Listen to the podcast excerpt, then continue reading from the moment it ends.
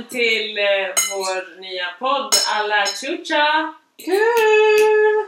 Eh, vi eh, kände att vi var väldigt trötta på hur världen ser ut och har sett ut. Mm. Så vi kände att eh, det är dags att eh, snacka om det. På riktigt! Exakt! Inte liksom någon så här lite slösnack och lite inte trampa någon på tårna tänket utan nu kör vi, nu kör vi på riktigt! Jag tänker också att det kanske inte är en podd för folk som kanske känner sig lite småkränkta över saker om vi Nej. nämner någonting. Alltså att man, alltså jag tänker mig så här att folk ska kanske fatta att att vi kanske också är typ öppna om man tänker annorlunda Mm. så är man välkommen att säga till ja, men jag tycker inte så som du tycker. Mm. Jaha, varför inte då? Alltså att man ska kunna typ diskutera om saker Ja, alltså andra Eh. åsikter är välkomna, det är de ju. Men ja. till en viss gräns. Det, är det, det beror helt på, jag tror vi alla vet. ja, exakt. Eh, inte direkt ja, men ja, vi får se. Kanske, man vet aldrig. Men eh, så ska vi presentera lite kanske vad vi... Alltså, ska, vi pres- ska du presentera dig kanske? Ja, vi kan Mm. börja med det. Ska jag käka min mat så länge? Ja, men mitt namn är Isa och jag, eh, jag är 26 år Mm. ehm, och eh, var på, på fritiden. Vad, vad gör jag på fritiden? Vad gör du med ditt liv? Vad gör jag med mitt jävla liv? Alltså just nu så pluggar jag genusvetenskap halvfart. Mm. Eh, känner att det är ganska viktigt. Mm. Viktigt ämne att kunna. Mm. har pluggat eh, design innan, digital design specifikt. Och det är det jag håller på med nu och varför jag vill göra den här podden är för att jag känner att det, det här samhället funkar inte. Det finns så mycket som behöver ändra på. Och jag känner också att det är så många ämnen som inte tas upp. Man måste liksom vända sig till olika poddar som kör sin lilla genre. Och jag känner att här ska vi kunna prata om allt. Och att folk ska kunna sitta och känna bara tack, tack för att ni tar upp det här. Eller, eller liksom känna att eh, oj, det har inte jag tänkt på. Så att eh, därför sitter jag här. Ja, det är bra. Det är en väldigt bra presentation. Yes! Ska jag prata? ja. Okej, okay. ofta jag kollar på typ såhär, ja vad har vi något stödord där? Åh, Vem- nej. Vem jag är? Vem är jag? ja. Um, eh, ja. ja, jag heter Camilla Hidalgo och jag är 24 år. Mm, jag har också pluggat genus Mm. och sen är jag nästan färdig med min kandidat i sociologi. Mm. Eh, jag har bott här i Sverige i 10 år. Nio. Och nu är det 2018. Det är nio år! Det är nio år, ja. Och så ofta det är min matte där, nej, det är därför jag är så låg. och sen, eh, ja, innan bodde jag i Santiago de Chile. Så, Eh, och håller på lite med politik och feminism och Lite. Du är typ den mest engagerade människan i världen. Ja. Men sen, eh, ja, ja, och sen är jag med i, i Feministiskt initiativ och jobbar lite och försöker utbilda folk lite då och då inom olika saker. Så det är kul. Eh, varför vill jag göra podden? Mm. Det är kanske för att jag tänker att det är lite samma som du och också att jag tror att det saknas poddar där man pratar om feminism som en övergripande problem i Ja. samhället. Alltså att man, inte, att, att man inte bara fokuserar på Sverige Mm. och att man kan fokusera på strukturerna rent allmänt i samhället. Mm. Så som kanske hur den latinamerikanska rörelsen har utvecklats i Chile och i Latinamerika, Uruguay och Argentina. Och hur, hur den utvecklas i Indien till exempel, som är jätteintressant. Mm. Och hur det påverkar liksom hela feminismen i hela världen och hur vi, vi är på väg någonstans. Och att man kan göra alltså att man kan, att kampen är ju, man kan se, se, den kan se olika ut liksom. Eh, och förutom det så är det ju mycket som är fakt i världen och, och då tänkte jag att det är kul att prata ut sig lite och kanske att folk att kanske många håller med Mm. men sen vågar de aldrig riktigt prata ut det heller så då sitter man bara hemma och gråter lite för att man kollar på nyheterna och bara fuck the world, I Mm. hate this world. Typ. Eh, Men sen vet jag ju också att man, det finns ju en liten rädsla ibland. Eller ja, jag tappade ju den rädslan när jag blev liksom någon slags politikeraktiv, politikeraktivist. Liksom. Mm. Men eh, är den rädslan innan som jag hade när jag började, innan jag blev någon slags offentlighetsperson, something, ja, de Ja. hade kallat det för det. Du sa mittemellan influencer. Nej, det är inte alltså. Men mest såhär, eh, typ såhär, jag tänker liksom innan jag började, alltså såhär med allt det där, så tänker jag att det var ju, man var ju rädd av att tycka saker Mm. och att säga saker för att man tänkte, men vadå, då kommer nassarna komma hit och slå mig typ. Mm. Eller vad det nu är man är rädd för, att typ såhär kritik överlag Mm. eh, att folk kritiserar så jävla mycket.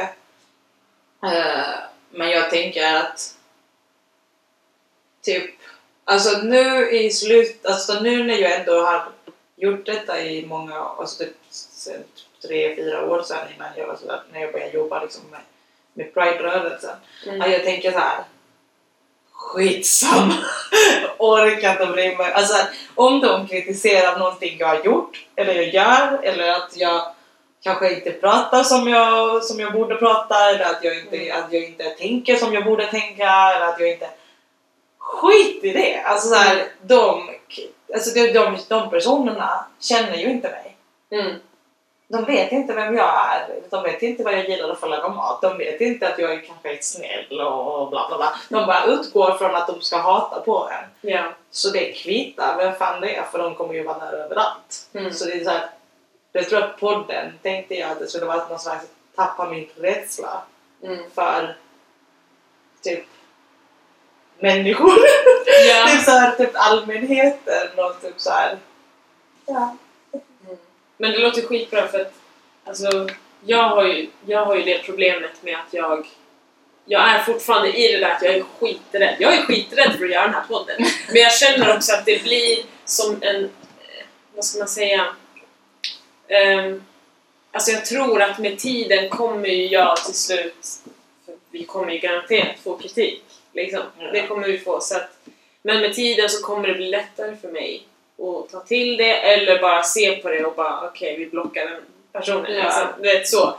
Ehm, men att det, det kommer bli en träning för mig Mm. och liksom ta till allt det här och bara leva. För jag har alltid varit så rädd för liksom, sociala medier. Och bara hela den världen och man ser allt så här näthat och bara Näthat liksom... är så jävla stor. Ja! Alltså det är så mycket. Som, och typ folk som lägger upp saker som alla ser. Det är det, det, är, det den nya public shaming. ja. Det är ju det. Alltså det är, det är ju i princip som i medeltiden när de skulle typ, typ cut off your arms och sen skulle du sitta och lida i där tre Ute på dagar torget. ute på torget. Ja. Och bara ja du har tog min eh, bit bröd och sen satt du där och skulle skämmas. Det Mm. där är i princip samma sak. Det är fan sant. Ja, för jag har tänkt mycket på det här också med till exempel Instagram. När man ska lägga ut, eller Facebook, sen när man ska lägga ut roliga videos på folk.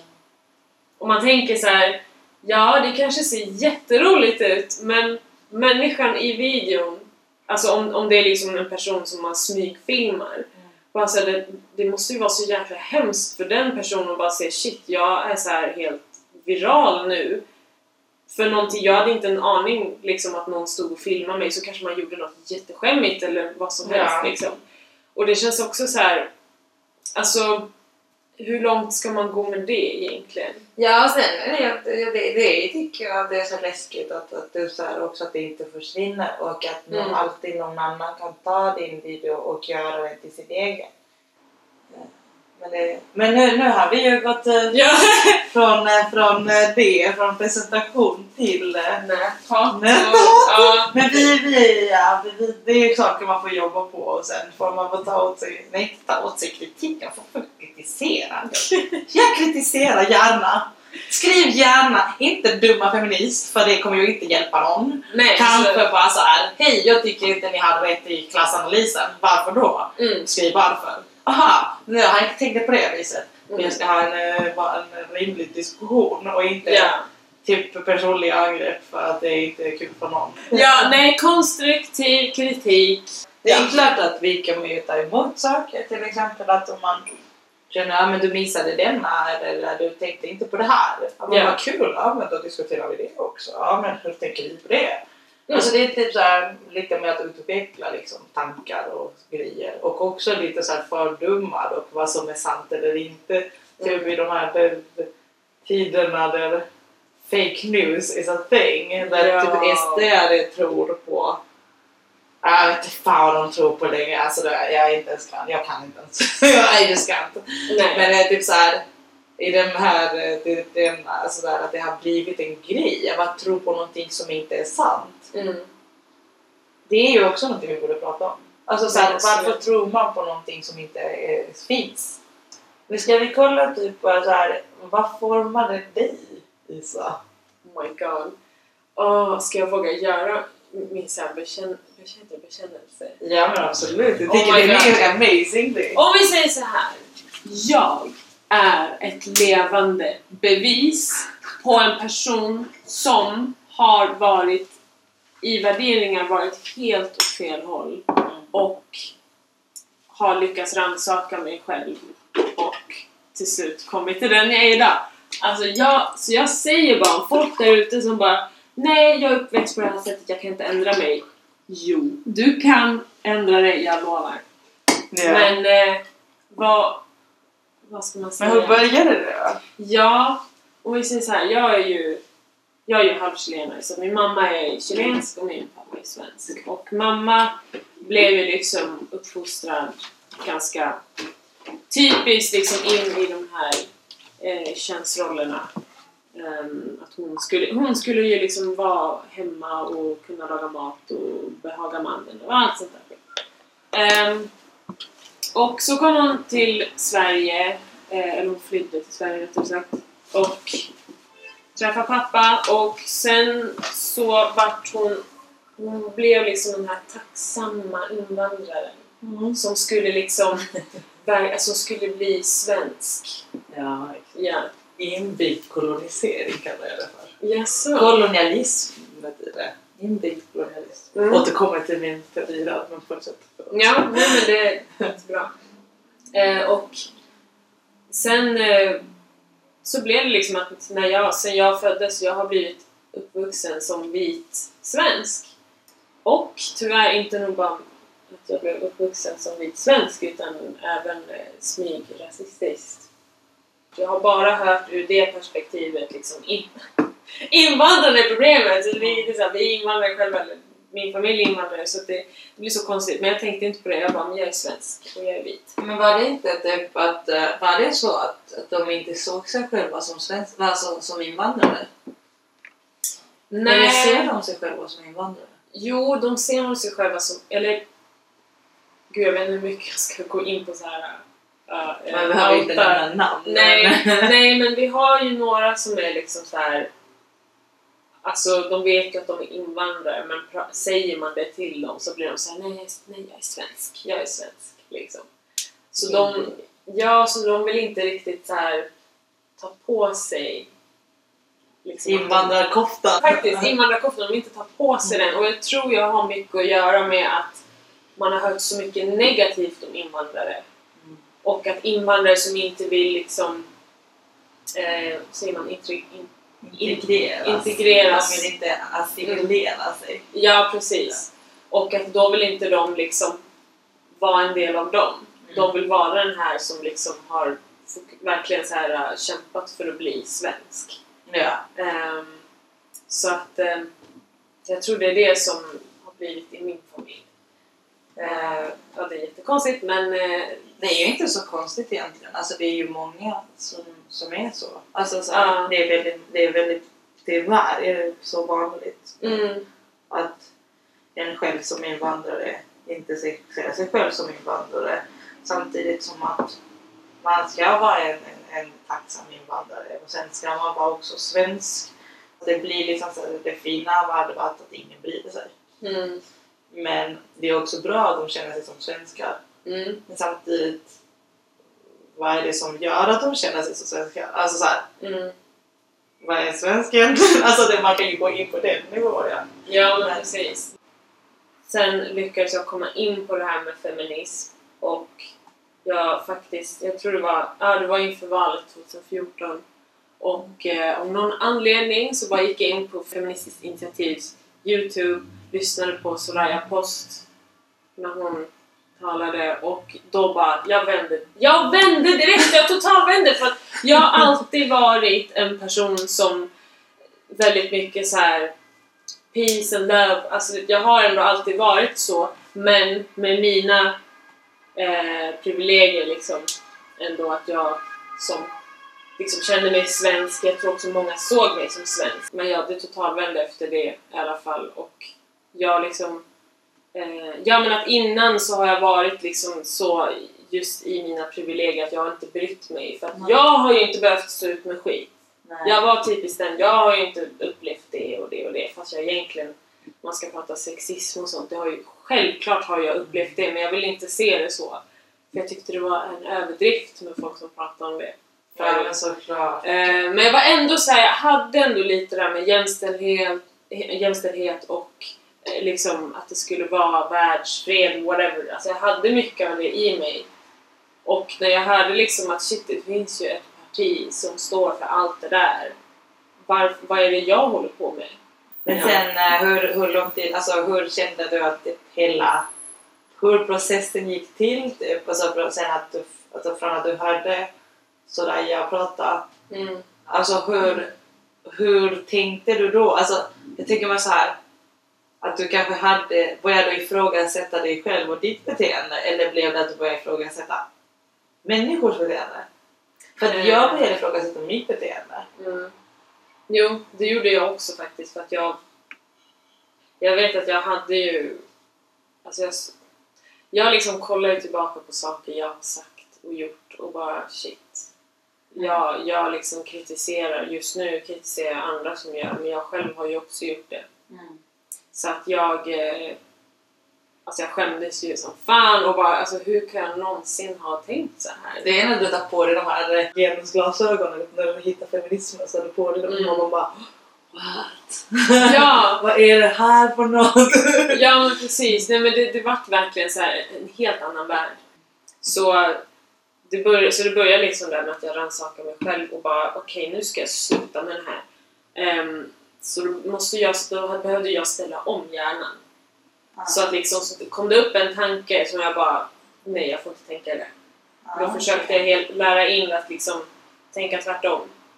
Och bara säga nej men det där var bra egentligen eller nej men så där ser det ju inte ut. Det här är någonting som har porträtterats på ett annat sätt. Fast det ser ut Som, som, ja, att liksom det, det, det ser, de får det att se dåligt ut. Men det är egentligen inte så dåligt. Alltså det är massa sådana saker. Eh, så idag, och idag sitter ju i hjärnan. Alltså idag, det mesta i alla fall. Vissa saker är fortfarande man behöver liksom arbeta på. såklart. Absolut, och det gör man ju alltid tänker jag. Oavsett hur påläst man är och hur, och hur mycket feminism man pratar. Hur mycket, alltså såhär, det kvittar. Alltså såhär, du kommer ju fortfarande få för att du är ju indoktrinerad Mm. i det här skitsamhället som har med normer och grejer som Mm. att de alltid måste leva upp till. Och då, och då kommer det ju bli så. Ja. Men det, kommer, det, det viktiga är att, du, att, att vi alla kanske bara tänker om och tänker rätt. Liksom. Ja men vänta, varför sa jag detta egentligen? Mm. Är det detta jag ville få sagt? Eller var det i stunden? Eller varför tänker jag det här? Alltså så här, att man ifrågasätter sig själv. Men så länge man vet liksom att jag kan ändra mig. För det kan man göra. Man kan alltid ändra sig. Man kan alltid ändra Mm. sig och även fast det är liksom svårt och i början kanske man också kan känna det här att äh, skitsamma, alltså det är ingen idé. Mm. Jag kommer alltid tänka så här. Så bara nej, alltså det går på något sätt att liksom programmera om. Alltså det, det, fun- det funkar för mig i alla fall så att jag tänker att det kan funka för alla. Jo men det funkar för många. Alltså jag tror att Men det är många gånger tänker jag att det, det krävs ibland någonting väldigt stort som slår i ansiktet. Inte Mm. literally of course. Eh, men med så här, att det händer någonting. Nu klickar det. Mm. Va? Vad är det här? Alltså, och det händer ju inte alla under sitt liv. Nej. Så det är ju därför det är viktigt att du som kanske också har gått igenom det och jag som också har kommit ut från den bubblan som man levde i, att, att, att förklara det för dem. Att lära folk att ifrågasätta saker. För jag tror inte den här att, att jag hatar dig och att jag slår dig så kommer det här få dig att förstå. Mm. Jag tänker att det, det är ju svårt att, att typ bryta en norm hos någon som de har levt med hela livet. Mm. Och du måste börja med att du lägger en lite frö. Och sen kan man något. Ja men sen händer det ju något ändå. Ja. Man börjar tänka efter själv och bara så här, ja men en, så förstår man kanske till Ja. slut att shit, det där är på wow. Mm, precis. Ska vi ta en paus nu kanske? Nu tar vi en paus Ja. och sen ska ni få höra Camille. Kul! Yes! Vi kommer snart. Hej! Hej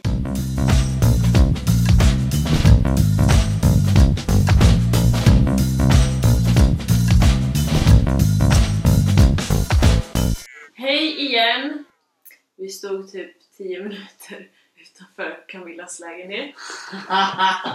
Eh, för att Camilla hade glömt nycklarna och vi ringde på varenda människa som bodde här. Tills, eh, tills hon kom på att hon kan ju faktiskt låsa upp porten genom sin mobil. Ah, Kul! kul!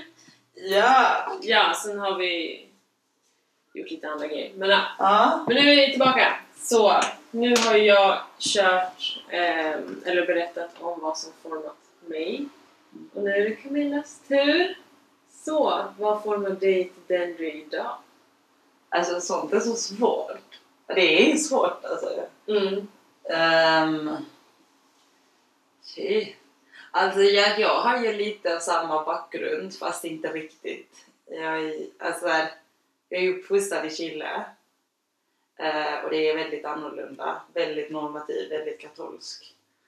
Eh, sen är jag såklart, har jag gått nunnskola också vilket inte hjälper i den normativa Och vad är, vad är det för någonting? Alltså så här eh, medans jag var typ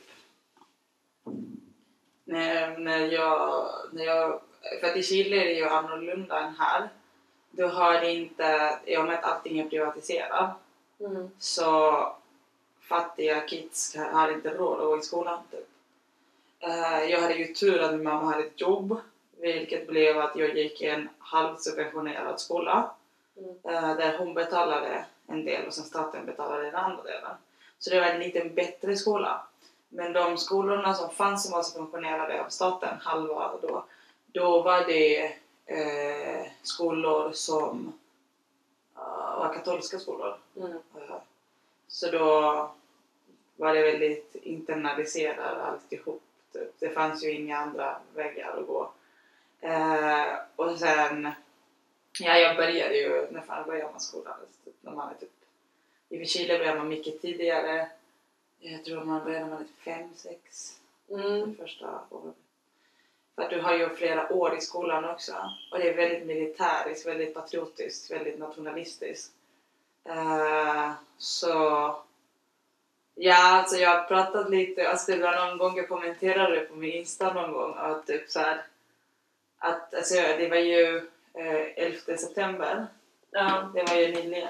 Eh, och så så att jag kollade lite på, på typ en dokumentär om diktaturen i Chile och kollade på hur skolorna var då. Och sen jämförde jag då med min skola som jag gick på, mina skolor som jag gick på, för det var många. Mm. Eh, och då så märkte jag att hur i- internaliserad den här diktaturens alltså högerextrema syn på saker och utbildning var i Chile. Eh, och sen började jag ju tänka då att ja, jag, jag gick ju i en skola som var katolsk och då var det då hade vi nunnor som var styrelsen och präster. Mm. Och då var du tvungen att gå till skolan varje morgon uh, det är klockan åtta. Och då börjar du med att sjunga nationallåten och hålla din hand mot eh, bröstet och så sjöng du nationallåten. Om du vägrade så fick du åka hem. För då var, var det inte patriotiskt nog. Eh, och sen eh, var det ju att eh, man fick, eh, ja, sen gick man in till kyrkan och sen skulle man be och sjunga katolska låtar och bla bla bla. Och sen fick man ju gå till sin lektion då efter. Eh, ja, jag hade ju mycket problem med det. Mm. Då redan ju. Och sen fick man ju... Ja, jag hade ju mycket problem med allt i de skolorna för att det enda religionen vi pluggade då, eller vi studerade, var ju katolicismen. Det fanns ju inget annat. Så Mm. religion, kunskap var enbart att fördjupa sig i katolicismen. Så du, vi har ju ingen aning om vad, vad, vad är islam, vad är, vad är, vad är judendomen. Alltså ingen aning. Att du, du var helt indoktrinerad i det. Eh, och sen att du skulle ju älska ditt land och att ditt land var allt och bla bla bla bla. Mm. Eh, och det, förutom det så hade de skolorna som innan var katolska, det i Chile fortfarande jag vet inte om de håller på med det nu men då var det att man fick eh, gå i antingen tjejskola eller kickskola. Du, de kunde Okej. inte gå tillsammans i samma skola. Nej. Och då blev det ju att killskolorna var mycket mer prestigious än tjejskolorna. Under tiden som jag gick i katolsk skola så var det... Det var, ju, det var ju något, på något sätt att jag inte riktigt tillhörde det. Alltså det var ju aldrig någon som fattade mig. Mm. För jag var den rebellen. Den som vägrade lyssna, den som vägrade lyssna på religionlektionerna. Det var den som blev alltid utkickad av religionlektionerna till slut. Så jag var inte med. Eh, jag fick alltid göra mina läxor vid rektorn som var också en nunna. Eh, och eh, då var vi... Alltså jag var helt emot kyrkan. Alltså så här, jag är ju uppvuxen ateist Mm. genom min eh, morfar som är politiker och filosofterapeut.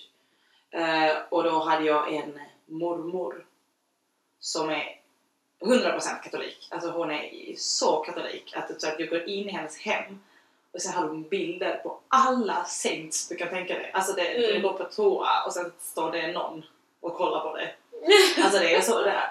Ja. Och, och det, alltså här, när jag gick i de skolorna så tänkte jag shit, jag kan inte vara här för att det här är inte rätt. Men sen visste jag ju inget annat. Alltså, så jag, jag trodde jag var ensam. Alltså, så här, jag, var, så här, jag var en jobbig barn som Mm. aldrig ville lyssna. Eller dem. Eh, och då så hade vi en massa möten med alla rektor.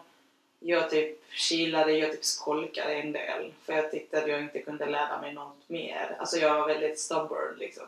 Mm. Eh, så eh, ja, jag blev typ nästan utkickad av min första skola och det var på grund av att jag var för rebellisk. Eh, men sen klarade jag av ändå att sluta typ nian då, som är åttan där i Chile. Eh, och sen började jag gymnasieskolan eh, och då så först då, vi gick ju till olika skolor som kanske kunde ta emot mig. Mm. Men de ville inte ha mig där för att jag var för problematisk. och sen till slut hittade vi en skola som också var en munskola såklart. Eh, och så, ja då försökte de ju Alltså så här, jag har ju gjort allt från uh, baptism till uh, vad fan heter konfirmation? Mm. Ja. Och det var för att jag var tvungen till det om jag någonsin skulle gifta mig. Eller något sånt. Eh, och jag var alltså jag är ateist, jag, jag vet inte vad jag gör här. Och sen eh, på, ja det var mycket snubb, det var mycket machokultur, det var mycket att tjejerna, alltså vi fick typ aldrig riktigt prata ut så. Nej. Utan det var mycket... Alltså det var så himla... Jag vet inte. Alltså typ såhär, även om jag hade mina klasskamrater som jag trivdes med, några, eh, var var det väldigt mycket mobbning, det var mycket när man var annorlunda så var det, jag var den som aldrig ville prata med folk för jag tyckte alla var dumma i huvudet. så jag bara satt ensam och det var då jag träffade min bästa tjejkompis. Eh, för att hon också tyckte alla var dumma. Mm. Och sen typ så blev vi kompisar. Eh, men eh, nej, och sen var det ju, jag var ju, ja, som sagt, det, det som är lite annorlunda typ hemma hos mig i Chile är det, vi är ju, jag är uppfostrad bara av kvinnor. Eh, det fanns ju aldrig en man hemma. Mm. Eh, och det var ju lite annorlunda samtidigt som att jag märkte hur killarna blev behandlade hemma. Alltså de små. Och hur jag blev behandlad. Att det var helt annorlunda. Mm. Att folk ville lära mig du ska kunna laga mat, du ska kunna städa. Och i min rebelliska jag så tänkte jag alltid fuck you. Mm. Jag tycker fucking aldrig laga mat. Du ska alltid ha någon annan som lagar mat åt mig. Och Ja. de bara Camilla men du, kan, du, du måste kunna överleva men varför säger du inte till honom att han ska också lära sig? Nej men du måste ju kunna förstå. Och det var typ såhär, mycket tidigt märkte jag alltså att med min pappa och mina andra male family släktingar de, de var väldigt patriarkala. Mm. Så det, det fanns en lite, det, jag tror jag var ganska ung då. Jag måste ha varit typ såhär, jag pratar som att jag vore hundra år. eh, jag, jag var typ så här. jag tror att jag var runt, runt sex, sju år. Och det var någon gång eh, någon i familjen säger då, alltså han sitter liksom på bordet, liksom alltid vid huvudet liksom. Och så sa han, ja men Camilla kan inte du fixa en macka till mig med det här och det här och det här och det här. Och, och han bara, och typ det satt ju, alltså då satt alla i min familj som också var kvinnor liksom där och de skulle göra det åt, åt, honom. Och, och då så sa jag, och sen typ han bara nej men låt Camilla göra det. Så. Och då så ställde jag mig upp och bara ursäkta, har inte du egna händer? Åh vad Och sjukt! jag bara jag tänker inte göra en macka till dig. Nej. Och alla bara, men Camilla du kan inte behandla äldre på det viset. Och jag bara, han har ju inga händer, vad ska jag göra? Och det var ju samma sak liksom när man gick till min pappas sida då att han var också jättepatriarkal och, och, och alltid ville typ att alla andra skulle göra saker åt honom. Mm. Eh, och då var det, då måste jag ha varit 12 och då så märkte jag och igen bara att hur han behandlade liksom min styvmamma. Och då så tänkte jag ursäkta, men du kan ställa dig upp och hämta din egen öl. Mm. Och då så satt han så bara va? Och mamma jo det kan du. alltså så här, vad är det du inte kan? Mm. Kan du inte ställa dig upp och hämta din egen öl? Du säger att hon städar, hon lagar maten och du bara hej, hämta en öl. Du har inte gjort någonting på hela dagen. Du har bara suttit här och pratat med mig. Mm. Ställ dig upp och hämta din egen öl. Och då så står liksom min mamma och min pappa där och kollar på mig som var jag en sån här alien. Det Mm. var vem är den här människan? Alltså så här, som att ingen annan någonsin hade ifrågasatt varför han inte hämtar sin egen. Alltså det här är basic shit liksom. Mm.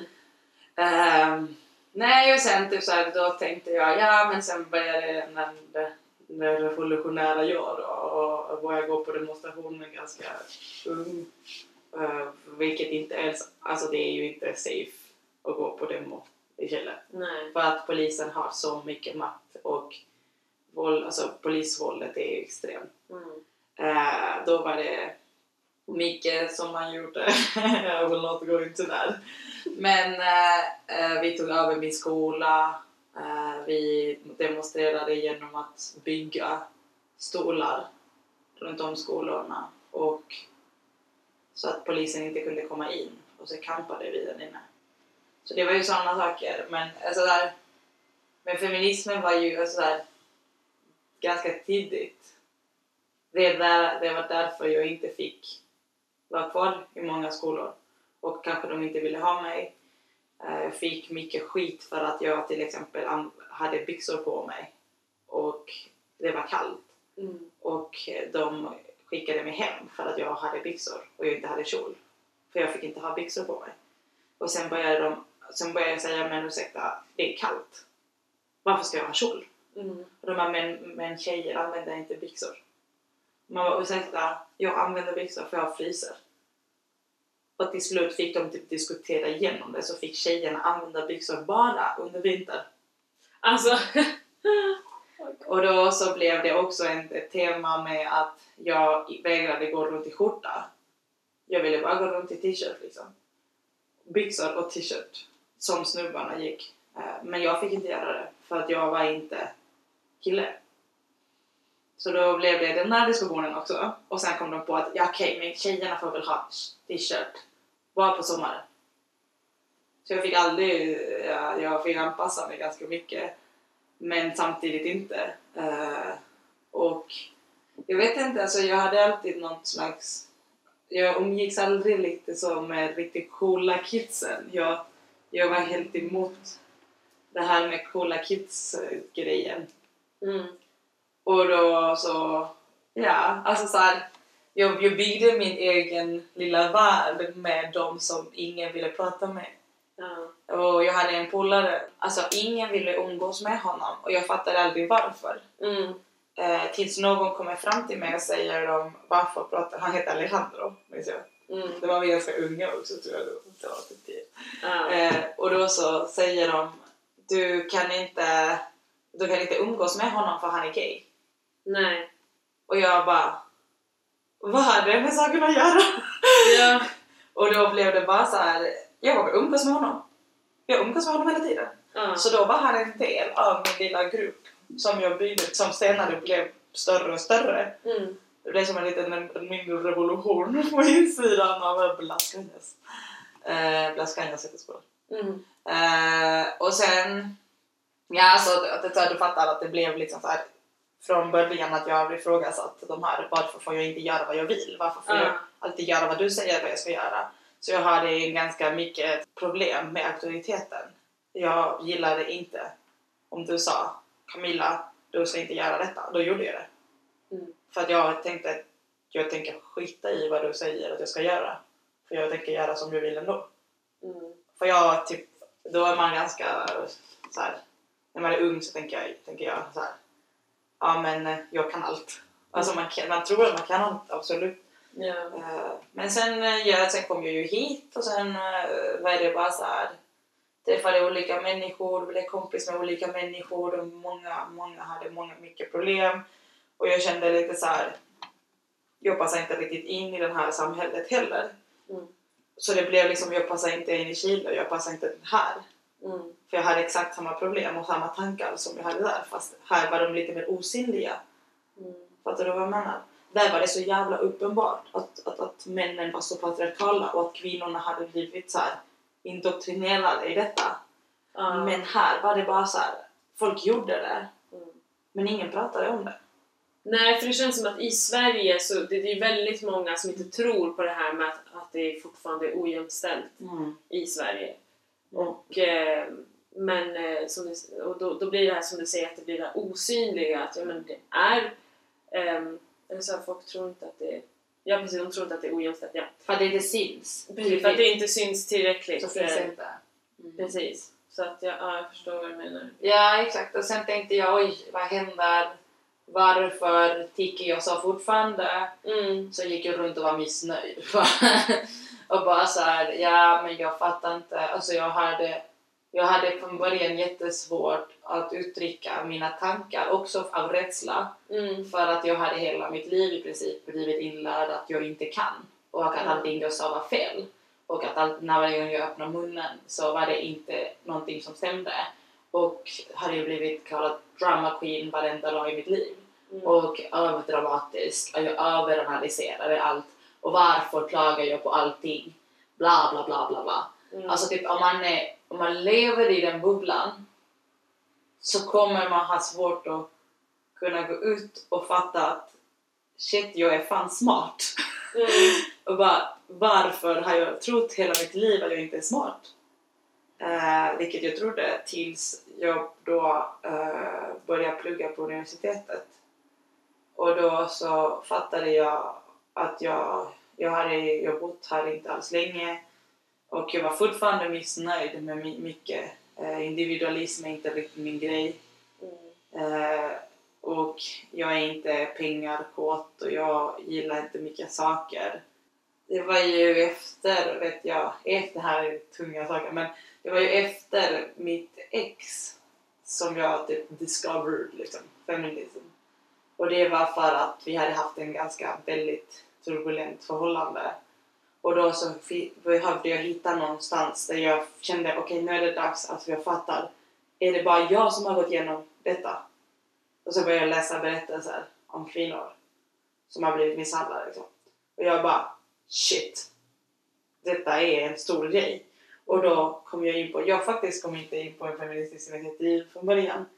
Jag bara läste liksom genom kvinnornas berättelser av sina, sina förhållanden och eh, hur det var.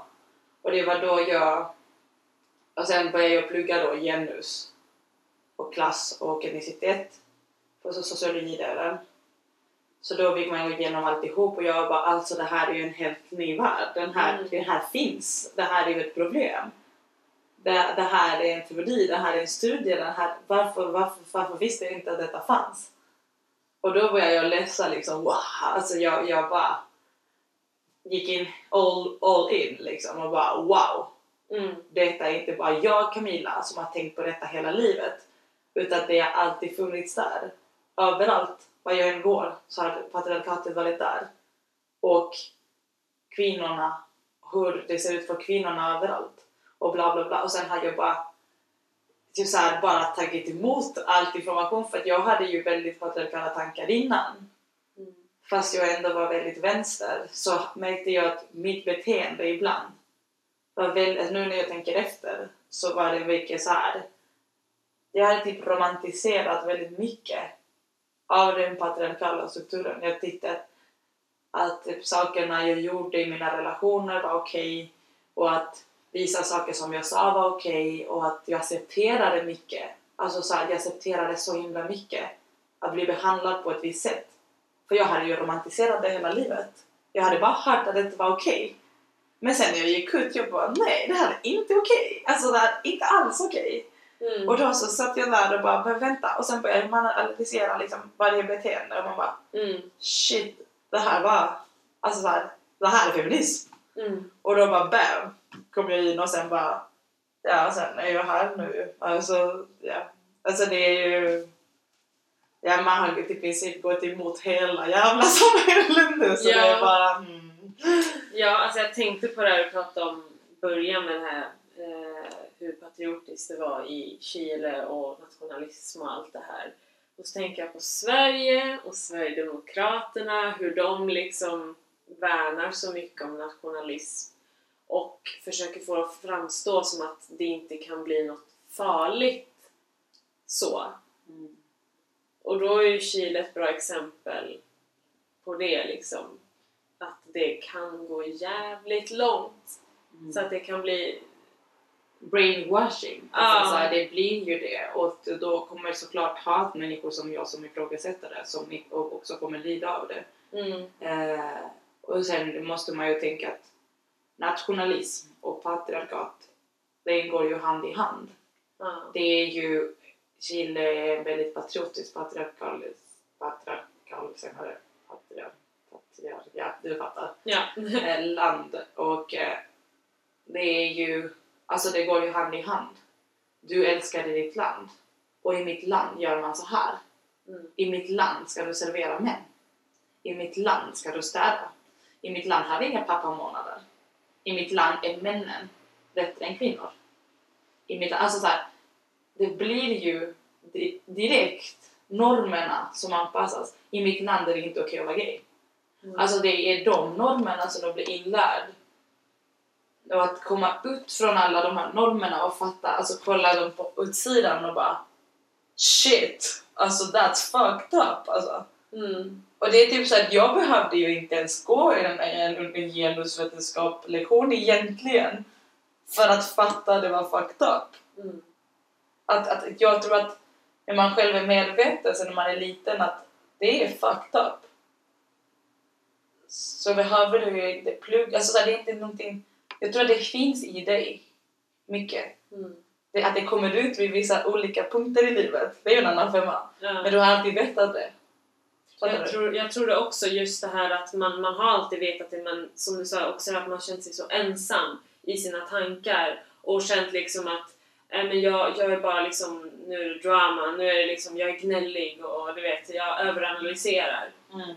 Och så ser man att det här är ju, alltså det finns till och med en rörelse Mm, för att bli exakt. av med den här skiten. Ja. Och så vet man inte ens om det för att hur mycket i, skolan pratar man om det? Det är ju ingen som pratar om det. Nej. Alltså det är ingen som pratar om att det finns en studie i genusvetenskap som, kallas för genusvetenskap där man pratar om hur ojämställdheten fungerar i världen och Mm. hur dåligt det är och hur mycket det påverkar olika människor och att man kan ju ha eh, och sen bla bla bla hur kvinnor påverkas. Alltså, det pratar man inte om. Nej. Det pratar bara om ja men vi har det väl bra som vi har det. Mm. Det är exakt samma tanke som man har, folk har i Chile.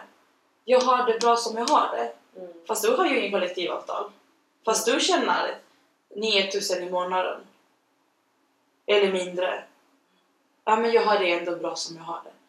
Varför tycker du det? Alltså så här, typ så här, det är samma som när jag diskuterade med kvinnor som är väldigt mycket äldre och de sa till mig, men Camilla, radikalfeminister. Du är en sån radikalfeminist Camilla. Jag bara, varför är jag en radikalfeminist? Mm. Och de bara, ja men du hatar män. Och man bara, har inte du förstått att det handlar inte om att jag hatar män. Det handlar om att jag försöker stå upp för dig och för mig och för alla andra Mm. som sitter och tänker hemma, fan vad det här är skit alltså. Men ja, det är, också, det är också något vi får prata mer om. Ja, vi får prata mer om det. Ja. Ja. Är det dags? Det är dags nu. Avslutande. Okej, nu var det allt då. Det är färdig dag. Eh, ni får ha det bra. Tack för att ni lyssnade. Tack! Hejdå! Hej då!